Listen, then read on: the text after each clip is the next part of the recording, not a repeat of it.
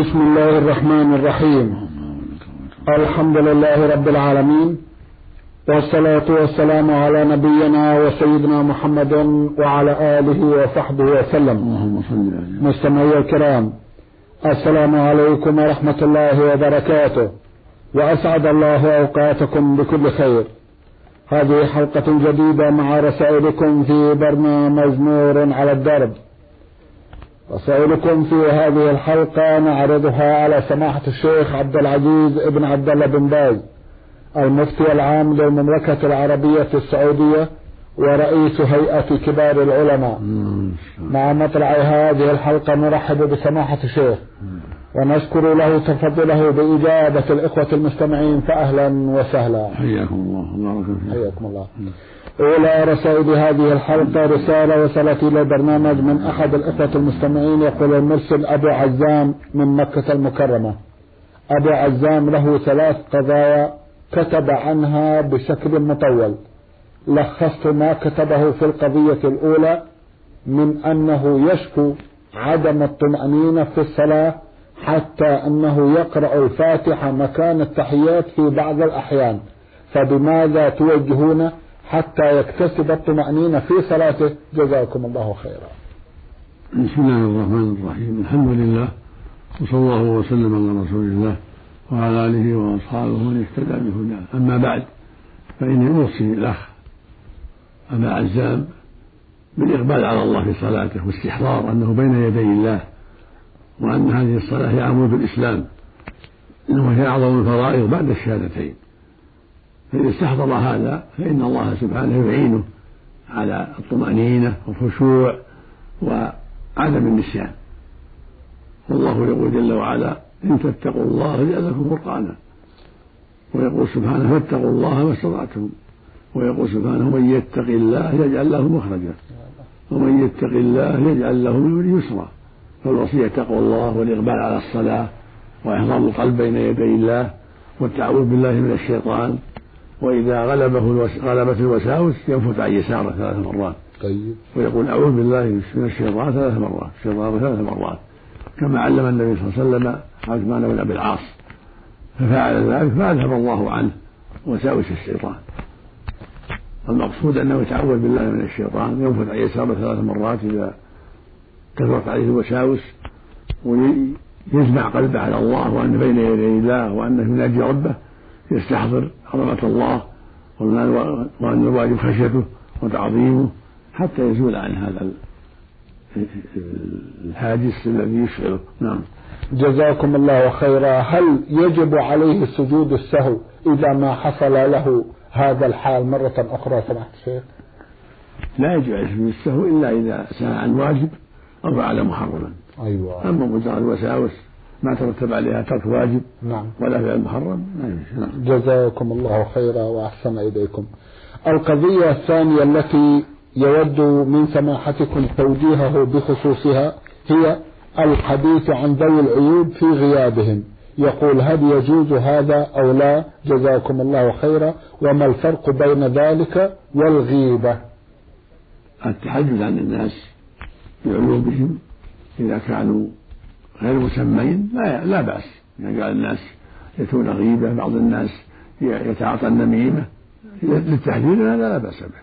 بعض الناس يكذب بعض الناس يظلم ما في شيء. لكن كن يسمي فلان نعم. ابن فلان يسميه انه فعل كذا أو كذا من الشيء الردي هذه غيبه وهي ذكر أخاك ما يكره. فلان فلان ابن فلان بخيل نعم. فلان جبان. فلان قطع الرحم وما أشبه ذلك؟ لا هذه غيبة والنميمة يكون ينقل كلام ردي يقول ينقل زيد يقول ترى أخوك يقول في كذا. ترى أمك تقول كذا. ترى عمك يقول كذا. حتى يثير الشحنة بينهما.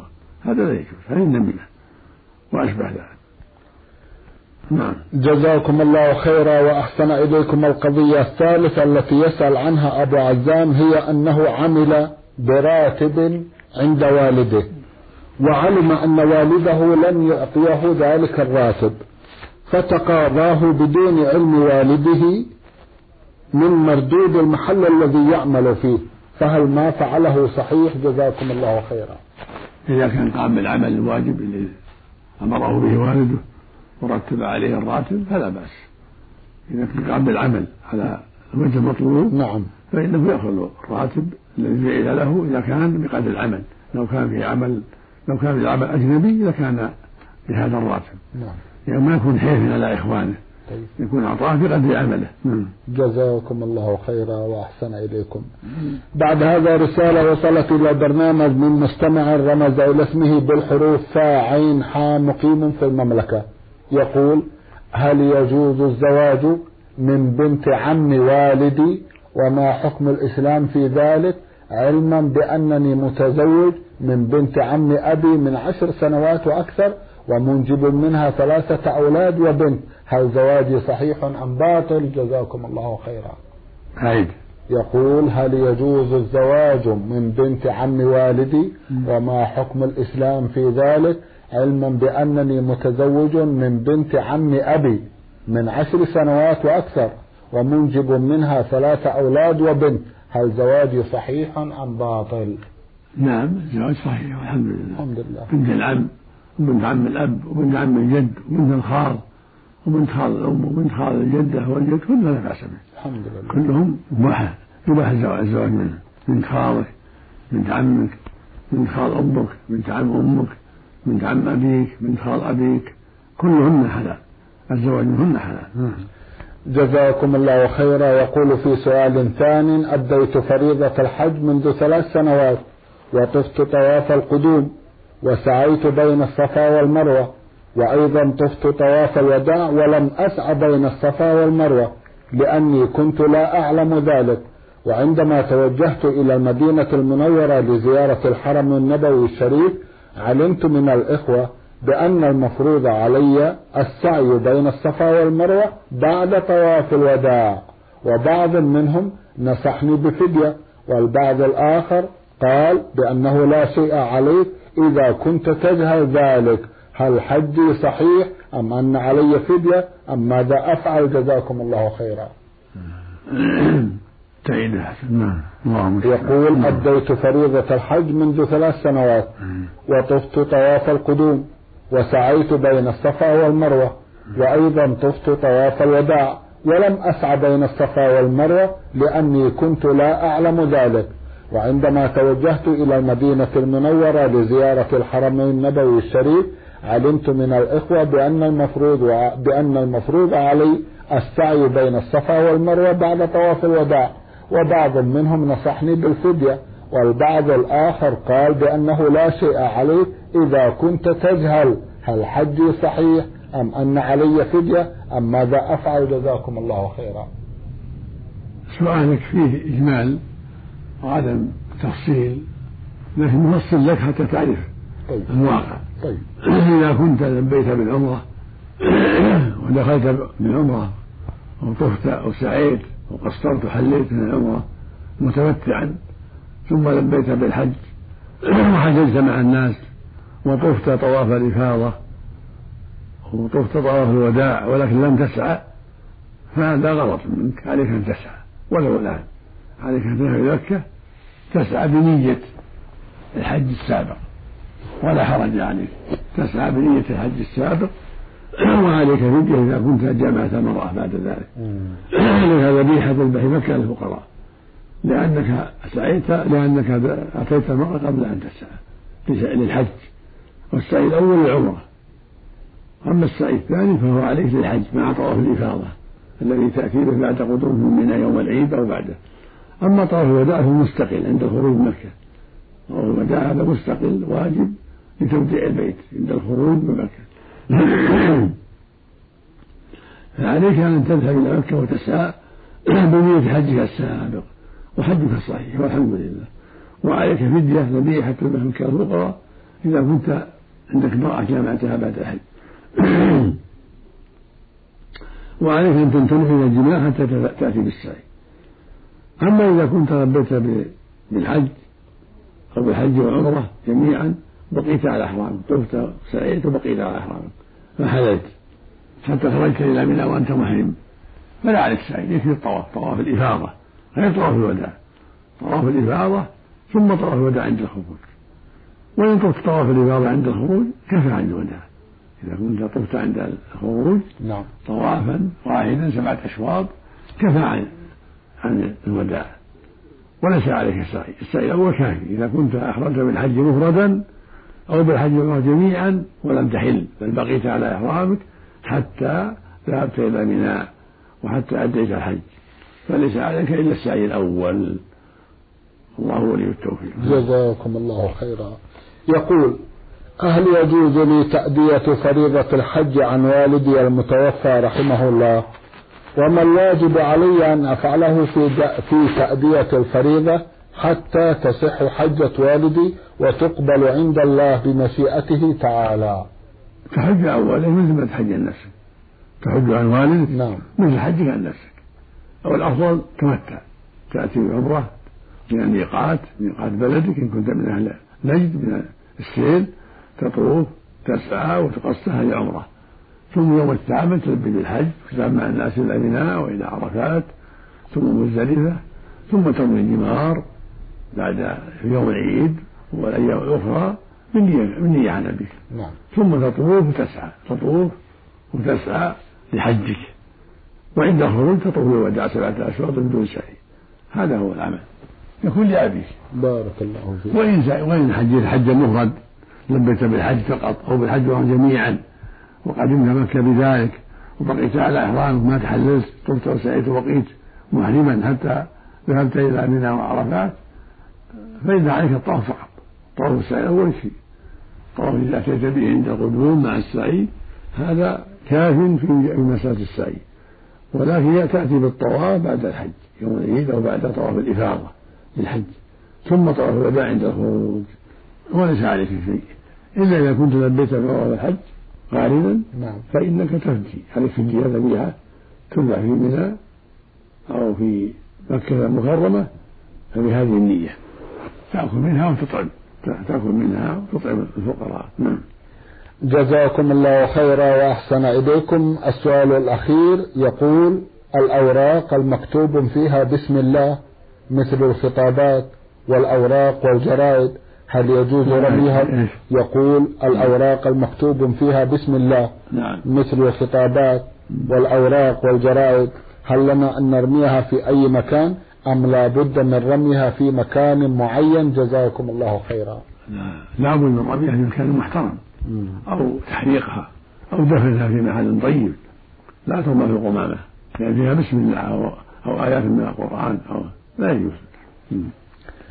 جزاكم الله خيرا وأحسن إليكم. بعد هذا رسالة وصلت إلى البرنامج من أحد الإخوة المستمعين. يقول هل علي إثم في تأخير صلاة العشاء بدون عذر؟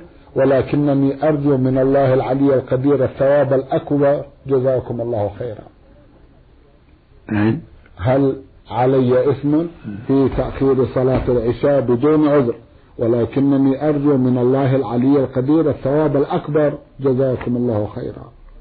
إذا كنت صحيحا فالواجب عليك أن تصلي مع الناس في المسجد.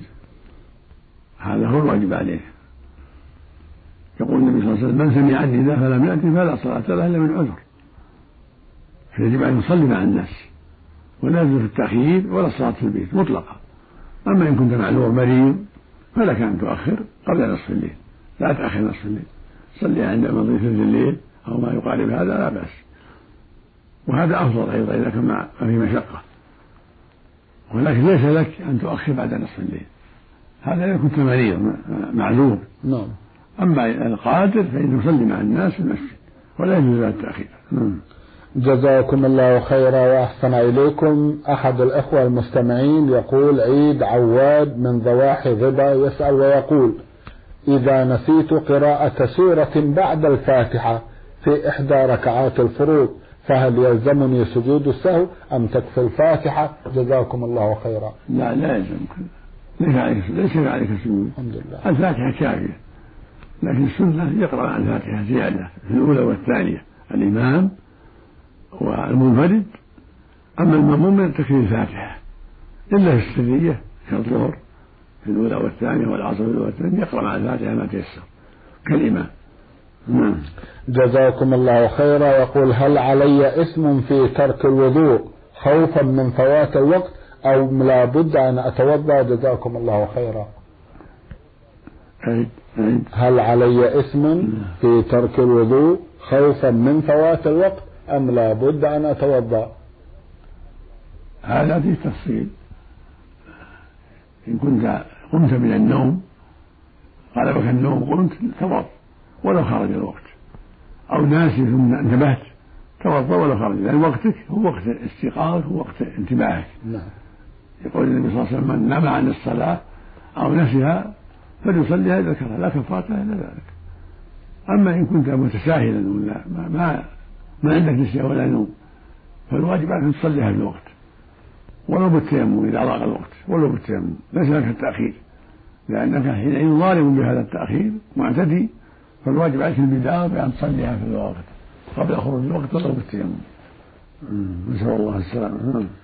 جزاكم الله خيرا. يقول غالبا ما يكون مني في وقت البرد أنني أتوضأ لصلاة الظهر والعصر. أما بقية الفروض أتيمم تيمما يقول غالبا ما يكون مني في وقت البرد أنني أتوضأ لصلاة الظهر والعصر.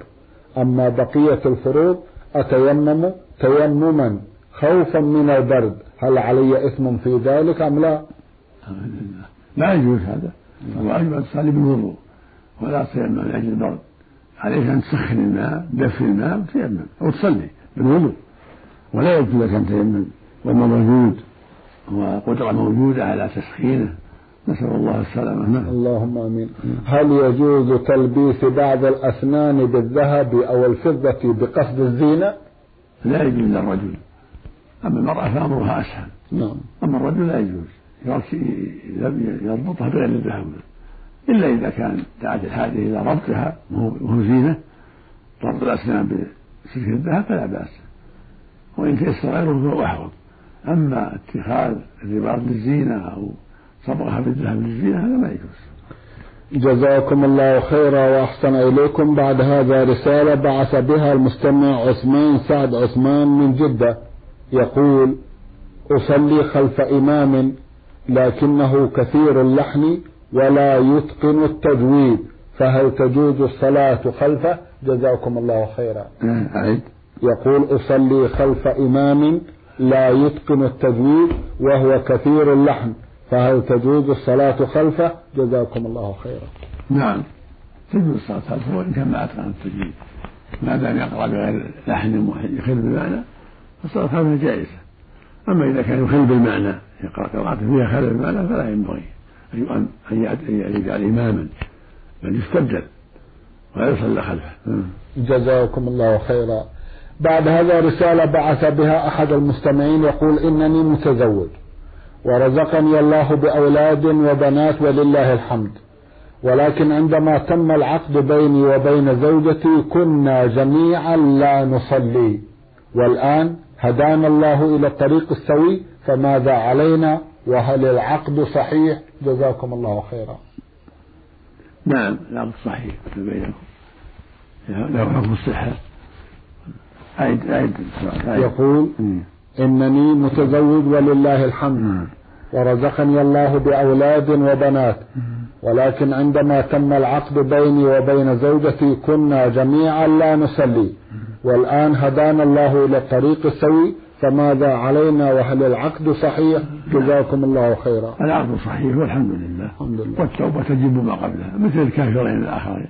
مثل زوج الوثنيان واليهوديان والنصرانيان زواجهم صحيح إذا تمت شروطه. فهكذا من لا يصلي. شروط الصالحة العقد صحيح إذا كانت الشروط وافرة وهو لا يصلي وهي لا تصلي. كلاهما سواء.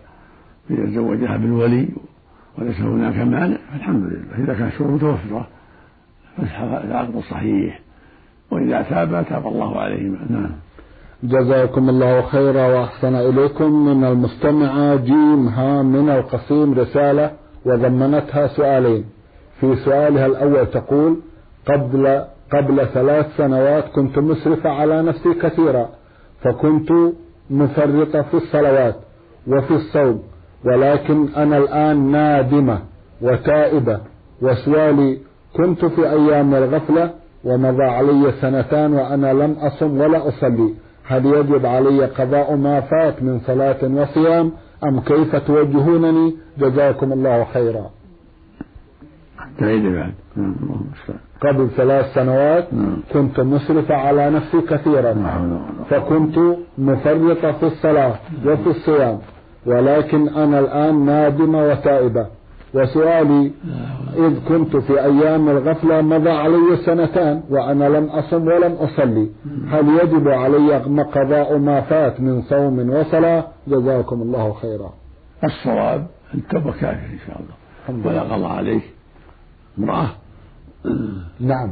لا قضاء عليه والحمد لله. التوبة كافية يقول النبي صلى الله عليه وسلم التوبة تجيب ما قبلها. الحمد لله. والتائب ذلك ما لا ذنب له. فلا قضاء عليه لا للصلاة ولا للصوم لأن ترك الصلاة كفر. والكافر إذا أسلم لا يقضي ما ما مضى قال الله جل وعلا قل للذين كفروا إن ينتهوا يغفر لهم ما سلف. فالمرتد لا يقضي ما سلف ولا عليه التوبة والاستقامة والحمد لله. نعم. جزاكم الله خيرا. تقول إخوتي ثلاثة الصغير عمره ستة عشر عاما والدنا متوفي وإخوتي لا يصلون ووالدتي تعبت منهم. فقد عملت معهم الكثير تقول إخوتي ثلاثة. إخوتي ثلاثة. الصغير عمره ستة عشر عاما. ووالدنا متوفى. وإخوتي لا يصلون. ووالدتي تعبت منهم. فقد عملت معهم الكثير لنصحهم. ماذا تفعل والدتي؟ أرجو أن تدعو لإخواني ولجميع شباب المسلمين بالهداية. جزاكم الله خيرا. نسأل الله لهم الهداية والصلاح. نسأل الله أن يهديهم ويبعدهم من الشيطان. نسأل الله أن يعينك وأمك على جهادهم. الواجب نصيحتهم والحرص على إقامتهم للصلاة ولو بضرب الوالد لهم. ولو أن ضربتهم الوالدة. نعم. أو ترفع بأمرهم إلى الهيئة. هيئة الأمر معروف. حتى يساعدها في ذلك. لأن هذا الأمر لا يسكت عنه. هذا أمر خطير. فالواجب أن ينصحوا ويوجهوا من الوالده وغير الوالده فإن استقاموا ولا يرفع بأمرهم الهيئة حتى يعاقبوا العقوبة الرابعة نسأل الله لنا ولهم الهداية نسأل الله أن يهديهم اللهم ويردهم للصواب نعم. اللهم آمين. جزاكم الله خيرا. يقول أحد الإخوة المستمعين يوجد لدي مبلغ من المال فهل عليه زكاة؟ إذ أنه ليس بحوزتي الآن. بل هو اسلاف لدى الناس. يقول يوجد لي مبلغ من المال. هل عليه زكاة؟ إذ أنه ليس بحوزتي الآن بل هو أسلاف عند الناس. جزاكم الله خيرا. هذا فيه تفصيل إن كانوا أمنياء فإذا قبضت فزكي. وإن كان عندك شيء زكي. وإذا كان ما عندك شيء كل ما قبضت زكي. أما إن كانوا لا ليسوا بأمنياء مأسرين أو مواطنين فليس عليك شيء حتى تقبض. فإذا قبضت تستقبل حول الجديدة نسأل الله السلامة. نعم. اللهم آمين. جزاكم الله خيرا وأحسن إليكم. بعد هذا رسالة من المستمع محمد أطهر حكيم من ينبع. الأخ محمد يسأل ويقول رجل يصلي في المسجد المجاور له مراعيا في ذلك حق الجوار ورجل يصلي في الجامع الكبير البعيد عن بيته تاركا هذا المسجد المجاور له بقصد كثرة الثواب نظرا لكثرة الناس فيه وأنه كلما كثرت الخطى كثر الأجر و فنسأل الآن من هو صاحب الأجر الأكثر؟ جزاكم الله خيرا. لا شك أن الذي يطلب المسجد البعيد ويصبر على التعب يكون له الأجر أكثر. يقول النبي صلى الله عليه وسلم إن إن أعظم الناس في الصلاة أجرا أبعدهم فأبعدهم ممشى لكن إذا كان صلاته في المسجد الغريب تجمع الناس ويعظهم ويذكرهم ويحصل بنفع لهم فصلاتهم معهم أولى. أما إذا كان لا يفقد ولا يتأثر المسجد به وهو يجيد أجر الخطوات فهو على خير إن شاء الله. يوافق الحديث إن أعظم الناس في الصلاة أجرا أبعدهم فأبعدهم ممشى الله المستعان. جزاكم الله خيرا. إذا جاءت الوسوسة المصلي خلال صلاته فهل يجوز التعوذ أثناء الصلاة؟ جزاكم الله خيرا. نعم سنة التعوذ. إذا شغله الوسوسة يتعوذ بالله من الشر ثلاث مرات يدخل عن يساره ثلاث مرات ويتعوذ بالله من الشيطان كما أمر النبي صلى الله عليه وسلم بعض الصحابة في ذلك. فالسنة له أن يتعوذ بالله من الشيطان ويموت عن يساره ثلاث مرات ويقبل على صلاته بقلبه ويستحضر عظمة الله عز وجل ويزول الوسواس إن شاء الله. جزاكم الله خيرا. إنسان شك في السجود. هل سجد سجدة واحدة أو سجدتين؟ هل يلزمه سجود السهو والحال ما ذكر؟ أعد إنسان شك في السجود. هل سجد سجدة واحدة أم سجدتين؟ هل يلزمه سجود السهو؟ جزاكم الله خيرا. إذا كان إذا كان هذا الشك طلع أخيرا بعد انتهاء الصلاة وفراغه منها على أنها تامة. ثم طلع عليه الشك هذا لا يؤثر. صلاته صحيحة والحمد لله. أما إذا كان طلع عليه الشك في السجود في أثناء السجود هل سجد واحدة أو اثنتين هذا يجعلها واحدة. يأتي بالسجود الثاني. وإذا فرغ من التحيات والدعاء يسجد السهو. أما إذا كان سلم على أنها تامة ثم حدث له الشك بعد ذلك فلا يلتفت إليه. جزاكم الله خيرا وأحسن إليكم بعد هذا رسالة بعث بها المستمع إبراهيم المرزوق رسالته مطولة يصف فيها حالته الزوجية بأنها ممتازة وله زوجة مستقيمة وهو كذلك إلا أنها لا تقوم بالحقوق الزوجية كاملة فما هو توجيهكم جزاكم الله خيرا. هذا كان ناصحها تجتهد معها بالكلام الطيب وإن شاء الله يهديها الرب جل وعلا ما دام طيبة إن شاء الله مع المناصحة أو مع المذاكرة أو مع الكلام الطيب يحصل المطلوب إن شاء الله, الله ولا تعجل جزاكم الله خيرا وأحسن إليكم. سماحة الشيخ في ختام هذا اللقاء أتوجه لكم بالشكر الجزيل بعد شكر الله سبحانه وتعالى على تفضلكم بإجابة الأخوة المستمعين. وآمل أن يتجدد اللقاء وأنتم على خير. نرجو الله مستمعي الكرام كان لقاؤنا في هذه الحلقة مع سماحة الشيخ عبد العزيز ابن عبد الله بن باز المفتي العام للمملكة العربية السعودية ورئيس هيئة كبار العلماء. شكرا لسماحة الشيخ. وأنتم يا مستمعي الكرام شكرا لحسن متابعتكم وإلى الملتقى. وسلام الله عليكم ورحمته وبركاته.